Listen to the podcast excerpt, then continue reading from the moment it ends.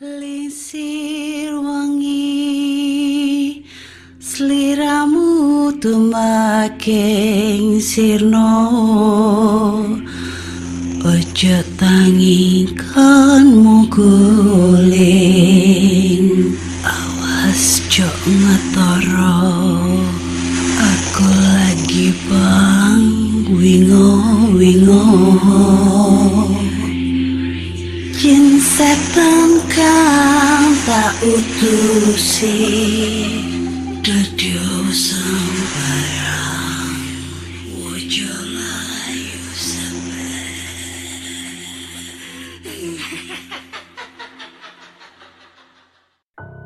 Hai Re. Tes, tes, oke. Ketemu lagi dengan aku si Ana di podcast kisah horor. Kita bertemu di episode 280 Dan di episode kali ini agak sedikit berbeda. Ya, Karena aku sekarang berada di kota Malang. Di malam hari ini di pinggir jalan Ini aku rekaman di dalam mobil. Terniat ya. Sebenarnya sih nggak niat. Karena ini judulnya aku galau gitu. Galau terus akhirnya aku ke Malang sebenarnya juga nggak ada tujuan ke sini nggak tahu tiba-tiba nyasar aja ke sini. Batuk kan? Dan sekarang aku luwe. Hari ini hari Minggu tanggal 19 November 2023 jam 12 lewat 17 malam. Ya dini hari. Tengah malam. Oke jadi kalau misalnya ini kalian mendengar suara bising di luar motor-motor lewat ya remaklum karena gue lagi ada di pinggir jalan. Masih rame di sini. Untungnya aku ya nggak begitu rame sih. Maksudnya masih ada motor lalu lalang gitu ya. Hmm. kenapa anak kok nyasar ke Malang? Ya itulah. Namanya juga galau. Kan kita nggak tahu mau ke mana ah bingung dong. Jadi langsung aja kita bacain cerita yang horor yang udah masuk ke email ya. Tapi sebelumnya aku juga mau minta maaf nih kalau misalnya agak terganggu sama suara bising di luar motor lewat. Ya itu tadi gue bilang apa gue lagi di pinggir jalan. Sama nanti bakal nan apa ya sesekali gue batuk nih. Gue lagi batuk coy. Ini kan yang kalian mau. Gue batuk ini kan ini kan yang kalian rindu-rindukan gue batuk. Oke. Kita bacakan cerita horor dan cerita pertama ini datang dari siapa nih ya? Dari siapa nih? Sebentar dulu kita cek dulu cek dan recheck. Oke Judulnya adalah cerita driver eh iya orderan mistis lah gitulah. Halo Kak Ana. Ini tulisan kedua saya di podcast kisah horor. Meskipun cerita pertama saya tentang bunyi kerincing-kerincing yang melewati salah satu sungai di Jogja tidak dipercayai Kak Ana 100%, tapi saya tidak kapok untuk menulis lagi. Namun cerita kali ini bukan saya yang mengalami, tapi cerita driver ojol yang mengantar saya pulang waktu itu. Pada hari itu saya akan pulang setelah menonton film di salah satu mall yang bisa dibilang sepi di Surabaya. Waktu itu belum terlalu malam, sekitar pukul 21 lewat 50-an. Karena tidak membawa kendaraan sendiri, saya harus pesan ojol dong tentunya. Tidak perlu menunggu lama, driver driver ojol pun tiba. Kami saling memastikan apakah driver tersebut sesuai dengan aplikasi saya dan apakah saya sesuai dengan orang yang akan diantar mas driver tersebut. Syukurlah semua sudah sudah sesuai. Rute perjalanan dari mall ke kos saya kebetulan melewati gedung terbengkalai di sebelah mall tersebut. Dari situ kami mulai mengobrol, tidak hanya membahas gedung tersebut, kami juga sempat membahas mengapa ada apartemen di Surabaya yang tanpa penghuni alias kosong. Padahal tempatnya strategis. kami sama-sama tidak bisa menjawab karena tidak tahu sejarahnya. Mungkin Kak Ana tahu. Pada akhirnya bahasan-bahasan itu membawa obrolan kami menuju ke cerita pengalaman horor Mas Driver Ojol. Mas Driver bercerita pernah mengalami orderan mistis yang mungkin juga pernah dialami banyak driver. Waktu itu kok medeni gitu. enggak, enggak, enggak. Waktu itu sekitar pukul 1 lewat 30-an Mas driver mendapatkan order ojek motor dengan titik jemput di sekitar daerah Makam di Surabaya. Sedikit ragu dan curiga, tapi Mas driver tetap memberanikan diri demi mendapatkan cuan. Chat untuk cek ketepatan tidak eh ketepatan titik jemput sudah dilakukan. Namun tidak ada respon. Sambil menunggu respon customer, Mas driver pun gas ke titik jemput. Sesampainya di titik jemput, ternyata Mas Driver melihat memang ada rumah di situ. Rasa ragu dan curiga pun sedikit berkurang. Mas Driver mencoba menghubungi sang customer. Ada jawaban. Mas Driver masih berpikir positif, mungkin si customer masih bersiap-siap.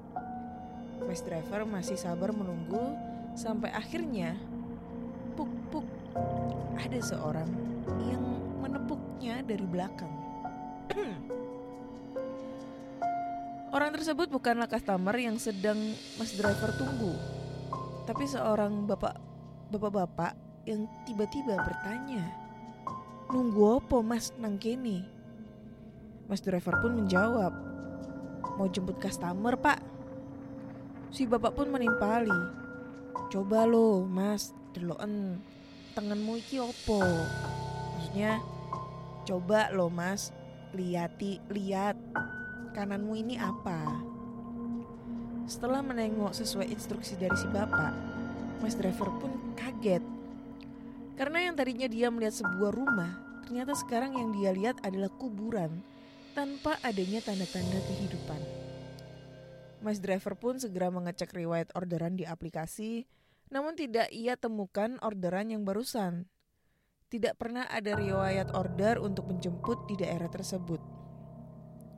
Akhirnya Mas Driver pun sadar bahwa apa yang barusan saja terjadi bukanlah ulah manusia, melainkan makhluk tak kasat mata. Mas Driver pun menuturkan selama sekitar dua minggu setelah kejadian tersebut, dia tidak berani untuk tarik ojol hingga tengah malam. Selama mendengar podcast ini, Kak Ana sering bercerita tentang sambilannya menjadi ojek online. Apakah Kak Ana juga pernah mengalami hal serupa? Terima kasih Kak Ana sudah mau membacakan dan setia mengisi asupan horor kami para pecinta podcast kisah horor. Oke, ceritanya selesai nih guys. Ini agak serem ya kalau aku nge-podcast pinggir jalan ya. Dari tadi takut nih kalau ada orang nyamperin, tapi aman kok sebelah kiri ada kafe. Oke, ini apartemen Surabaya. Mall yang dibilang sepi di Surabaya. Ah, gue tahu nih mall mana nih. Belakangnya ada bangunan kayak mau mau kayak mau dibangun apartemen atau apa gue lupa gitu. Itu emang mangkrak sih, mangkrak dan masih belum jadi gitu. Uh, Dengar-dengar sih itu punya keluarga mantan presiden itu terus apa korup apa apa gitu akhirnya mangkrak tapi ada loh apartemen yang udah jadi tapi nggak dihuni sama sekali. Itu kalau di daerah mana ya? Aku lupa namanya. Daerah Pagesangan situ loh.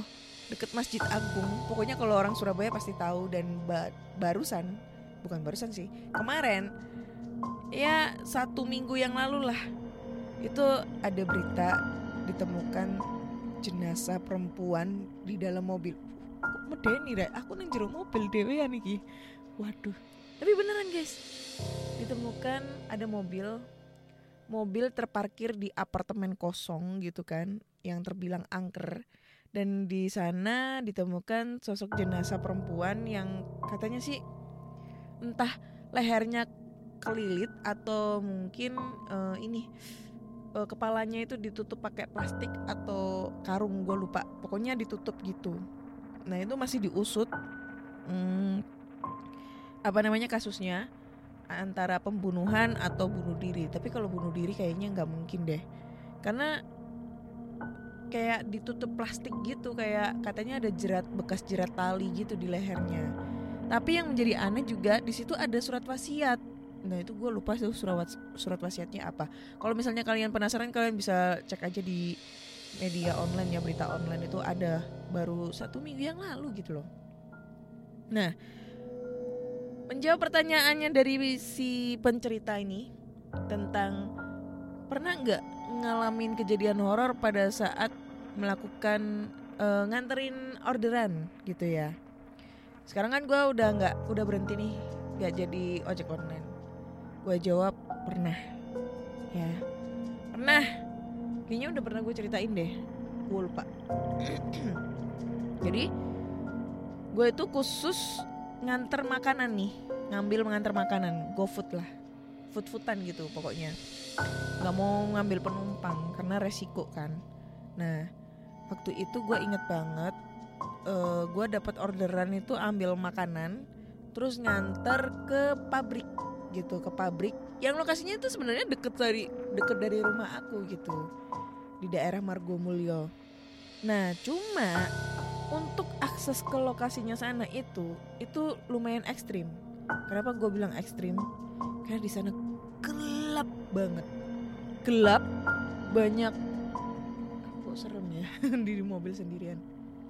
Gelap terus abis itu hmm, kanan kiri itu kayak dinding-dinding pabrik cuma itu bagian sisi belakang gitu. Gue pokoknya gue kalau ngelewatin lokasinya itu sesuai dengan mapnya itu ngelewatin situ. Terus di situ tuh kan posisinya waktu itu kalau nggak salah habis hujan jadi banyak genangan air yang ngebuat gak begitu kelihatan kalau ada lubang atau apa gitu loh di jalan gitu kan. Jadi agak hati-hati tuh waktu itu gue jalannya.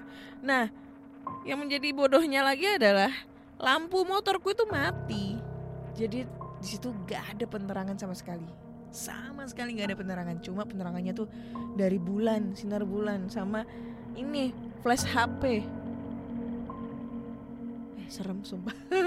Aku lo dari tadi lo ngeliatin kanan kiri terus. Bukan karena setan nih takut ada orang. Flash HP gitu loh. Nah udah kan jalan-jalan-jalan. Pas aku ny uh, nyari alamat pabriknya itu sempet nyasar. Nyasarnya itu ke salah satu gudang gudang gudang industri gitu. Pokoknya gudang gitulah. Itu tapi gudangnya itu kosong. Maksudnya dalam arti nggak uh, ada orang dijual gitu loh. Dan itu juga se satu deret itu kosong semua lagi kayak model disewakan apa tapi belum laku-laku gitu. Dan itu nggak ada penerangan sama sekali. Itu jujur gue takut. Satu gue takut begal. Dua gue takut ada penampakan atau apa. Tapi gue berharap tuh ngelihat sosok waktu itu. Cuma yang paling gue takutkan adalah begal waktu itu. Karena waktu itu masih musimnya begal. Rame-ramenya begal kan. Itu. Dan itu sekitar jam delapan setengah sembilan malam lah kayaknya dia shift 3 gitu kan lembur gitu. Shift 2 atau shift 3 gue gak tahu. Itu sih. Tapi kalau pengalaman-pengalaman lain selama ngojol kayaknya nggak pernah mengalami hal mistis ya. Dan alhamdulillahnya juga nggak pernah mendapatkan orderan fake atau apa.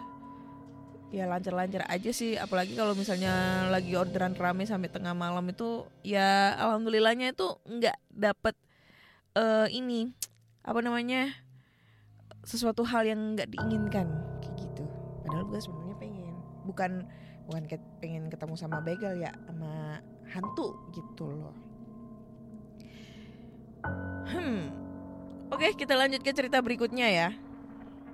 Jadi langsung aja kita lanjut ke cerita ke dua ya. Ada dingin banget sih di sini. Judulnya adalah teror pocong Hai Kak Ana, kali ini langsung aja ya ke inti ceritanya. Jadi aku tuh dulu saking hobinya nih dengan yang namanya taruhan judi jangkrik. Biar harga cukup mahal pun kadang aku beli tuh serangga. Kalau sekiranya aku taksir bakal menang di arena aduan. Selain seru, adrenalin pun ikut terpacu apabila menyaksikan si binatang ini bertarung dan tak jarang bahkan mereka bertarung hingga mati. Apalagi jika si empunya yang punya jangkrik menang. Beh, senengnya nggak ketulungan, serasa nggak ada lawan. Juga bikin kantong jadi tebel karena menang. Singkat cerita, pada suatu malam kami berempat memutuskan rencana untuk mencari jangkrik ini. Setelah berkumpul dan menyiapkan segala keperluan di lapangan seperti lampu senter untuk penerangan, pisau belati, sekantung tas dengan bambu kletek untuk menyimpan hasil tangkapan, dan tak lupa menu wajib termos kecil berisi cairan kopi panas dan beberapa bungkus rokok. Kawanku yang cukup berpengalaman di bidang ini juga tak lupa berpesan agar nanti di lapangan jangan sampai mati rokok. Artinya, selama berburu, bara api rokok harus tetap menyala menurutnya syarat aja agar makhluk halus tidak mengganggu apabila melihat bara api rokok tersebut. Eh, emang bener? Entah benar atau enggak, kami pun pukul 10 malam berangkat dengan mantap ke lokasi yang dituju. Tidak sampai 20 menit kami tiba ke lokasi. Setelah menitipkan kendaraan ke rumah penduduk terdekat, mulailah kami melakukan perburuan ini. Setelah memasuki area lokasi, sebuah areal tanah lapang yang sangat luas terbentang sejauh mata memandang. Namun, malam itu walaupun kami berada di tengah-tengah tanah lapang, tanpa kami harus terus-menerus menyalakan lampu senter jalan setapak ataupun beberapa pematang sawah kering terlihat cukup jelas karena malam itu sinar bulan cukup terang. Entah sudah berapa jauh kami berjalan kala itu. Seingatku ketika itu kita berada di sebuah sepetak sawah kering. Cuma ada yang aneh nih. Masa di tengah sepetak sawah itu ada sebuah pohon berdiri tegak dengan gundukan tanah berbentuk melingkar menurut kawanku itu kalau kata orang serang sih disebutnya gegumuk. Soal kenapa dibiarkan gak ditebang, aku sendiri gak tahu kenapa. Gegumuk apa guys? Tapi kala itu aku tak begitu menghiraukan soal keberadaan pohon itu. Karena suara binatang jangkrik yang sedari Anjay kok serem ya Sedari tadi kami cari di tempat itu terdengar banyak sekali berkerik saling bersautan. Seakan seperti menemukan harta karun. Satu persatu jangkrik berhasil kami tangkap. Tak berselang berapa lama, sudah lebih dari 15 ekor berhasil kami tangkap. Ketika kami berempat dalam posisi jongkok dan saling berhadapan, kawanku bilang gini ke aku, Sob. Rai, kamu jangan-jangan lihat ke gimana sih? Kamu jangan lihat ke samping kamu ya. Sialan. Gimana sih? Aduh. Rai kamu jangan lihat ke samping kamu ya. Sialan nggak? Coba dia bilang gitu. Ya otomatis aku jadi pengen nengok. Wih seremnya minta ampun pas aku tengok. Mana terang bulan kagak pakai senter lagi itu pocong membungkuk jelas banget. Cuma di kayak dia tuh kayak gak bisa berdiri tegak bungkuk gitu. Kayak angka 7 atau kayak lo orang sholat mah lagi posisi ruku lah. Melayang tapi dia membungkuk sekitar 3 meteran di samping aku. Itu kain kafannya serem banget kak. Kain putihnya kumal kecoklat-coklatan Kala itu, dua kawanku yang lain belum menyadari kalau kita kedatangan tamu. Karena mereka berdua sedang asik mengorek-ngorek lubang jangkrik.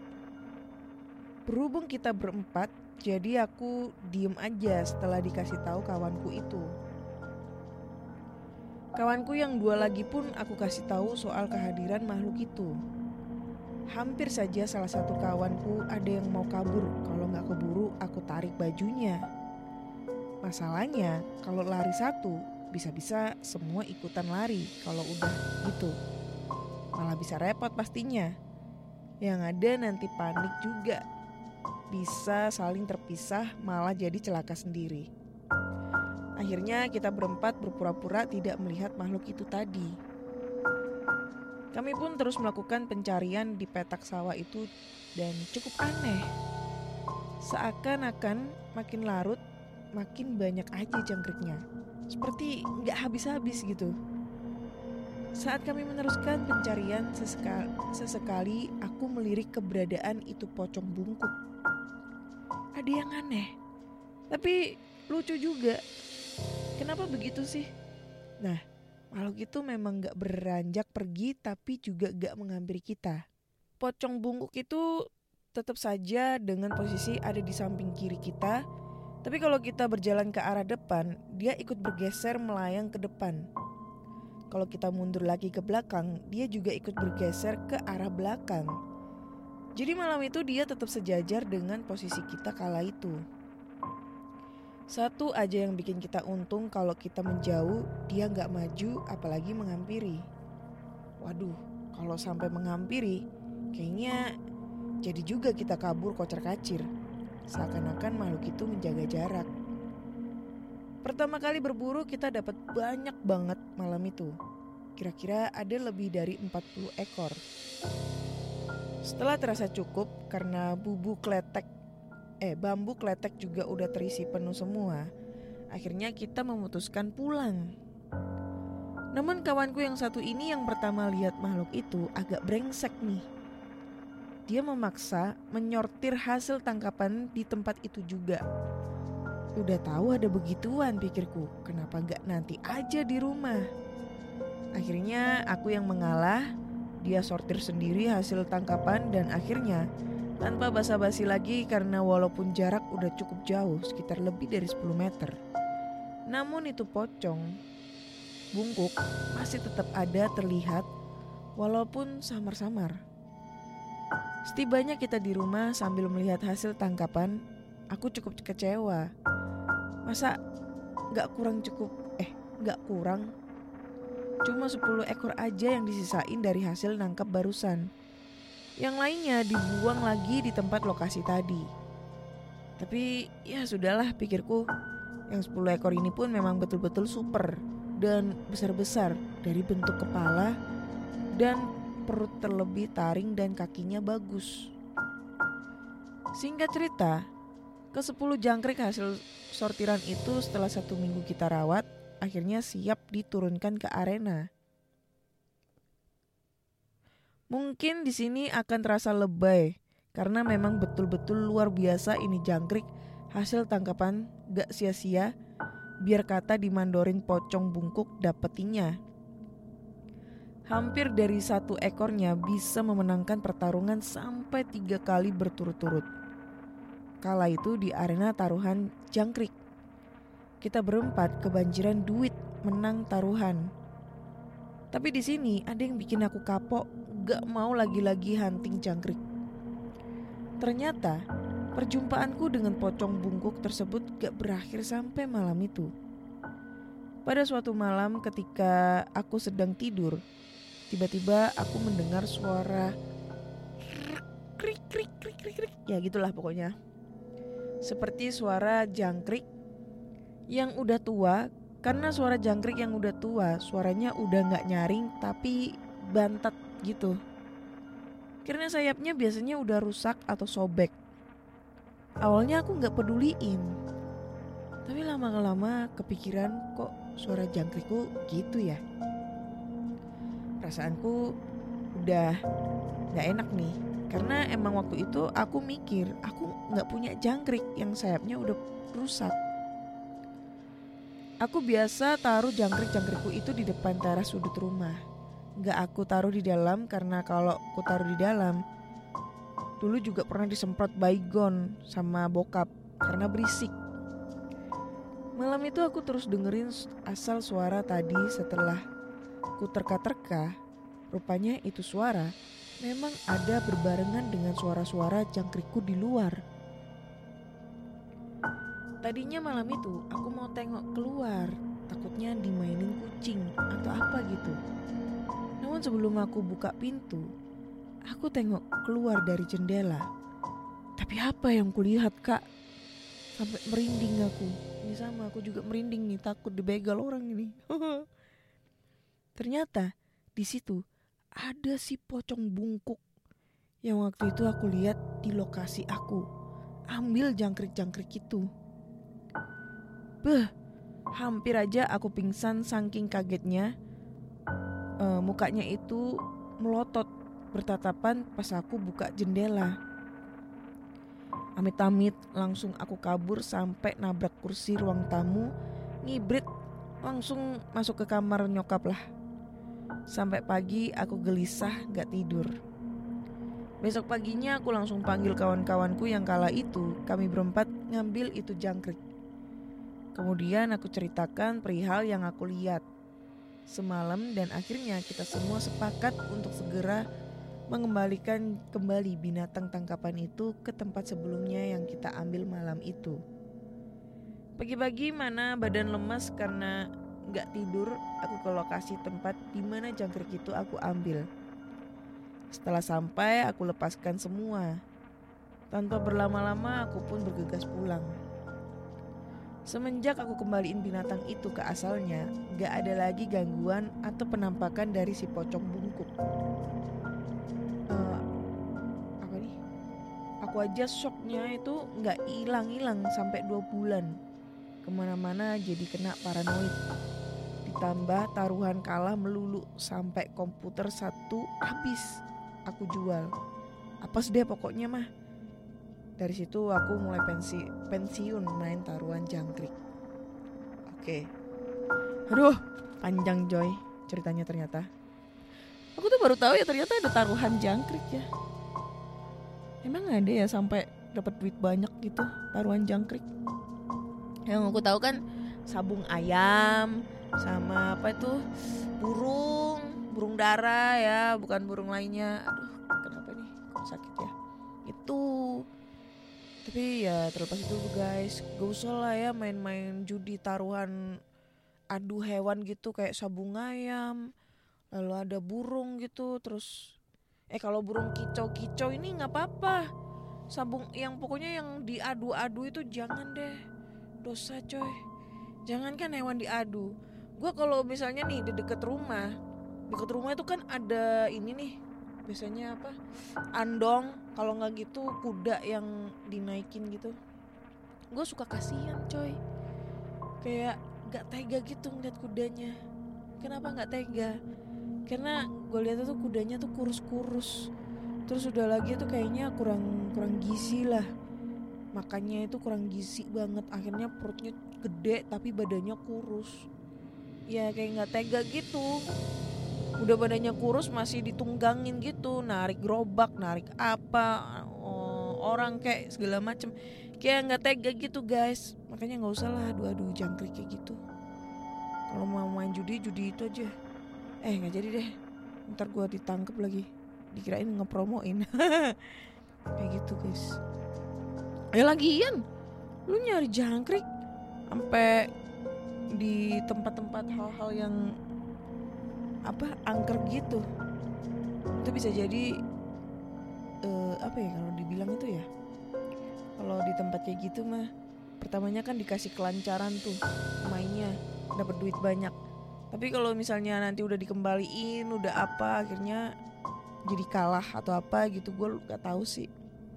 Lebih kayak model kepesugihan bukan sih itu bukan pesugihan kayak apa ya? Kayak penglaris gitu loh modelnya. Tapi ini versinya versi judi gitu judi jangkrik. Nah teman-teman punya pengalaman yang serupa nggak? Langsung aja kirim ceritanya ke podcastkisahhorror@gmail.com gitu guys. Kayaknya cukup sekian dulu deh cerita kali ini. Ini jujur ya gue rekaman ini di pinggir jalan. Di pinggir jalan di sebelah sisi kiri itu ada kafe. Uh, gue parkir di ruko-ruko nih. Ruko-ruko yang udah tutup. Di daerah mana ya? Jalan Kawi Malang. Itu. Jadi kenapa gua galau gitu ya? Karena gua habis ketemu sama si Rio anjing gitu loh. ketemu sama si Rio anjing, dia pas posisinya lagi eh, di Malang mau balik ke Makassar gitu. Gue temuin, tapi cuma sebentar akhirnya gue galau nih. gitu guys. Eh, Gue udah mulai ngeri nih karena sebentar lagi gue harus melanjutkan perjalanan muter-muter nggak jelas nangis, weh nangis coy nggak nggak gue cari makan coy lapar nih karena sek- sekarang di sini udah jam satu malam. Oke kali ini cukup sekian dulu eh, cerita di podcast kisah horor podcast kisah horor ini kan grogi coy. Jangan lupa dengerin podcast kisah horor di Spotify, Google Podcast, Apple Podcast, Noise. eh mana lagi ya? Oh iya, sekarang podcast kisah horor juga udah bisa didengerin di YouTube musik ya. YouTube musik loh. Jangan di YouTube video karena emang sekarang eh podcast udah bisa didengerin di YouTube musik tuh karena udah ada PKH tuh di YouTube musik kalian bisa langsung aja dengerin di YouTube musik tuh. Dan jangan lupa kirim cerita kalian. Kalau kalian punya cerita-cerita horor nih yang serupa tentang pengalaman judi jangkrik, judi, judi janda pirang kayak atau judi duda pirang. kalian bisa langsung aja kirim ceritanya ke podcast kisah horor gmail.com ya. Akhirnya saya Ana undur diri. Terima kasih sudah mendengarkan podcast kisah horor yang kali ini rekamannya di pinggir jalan di kota Malang. Bye bye.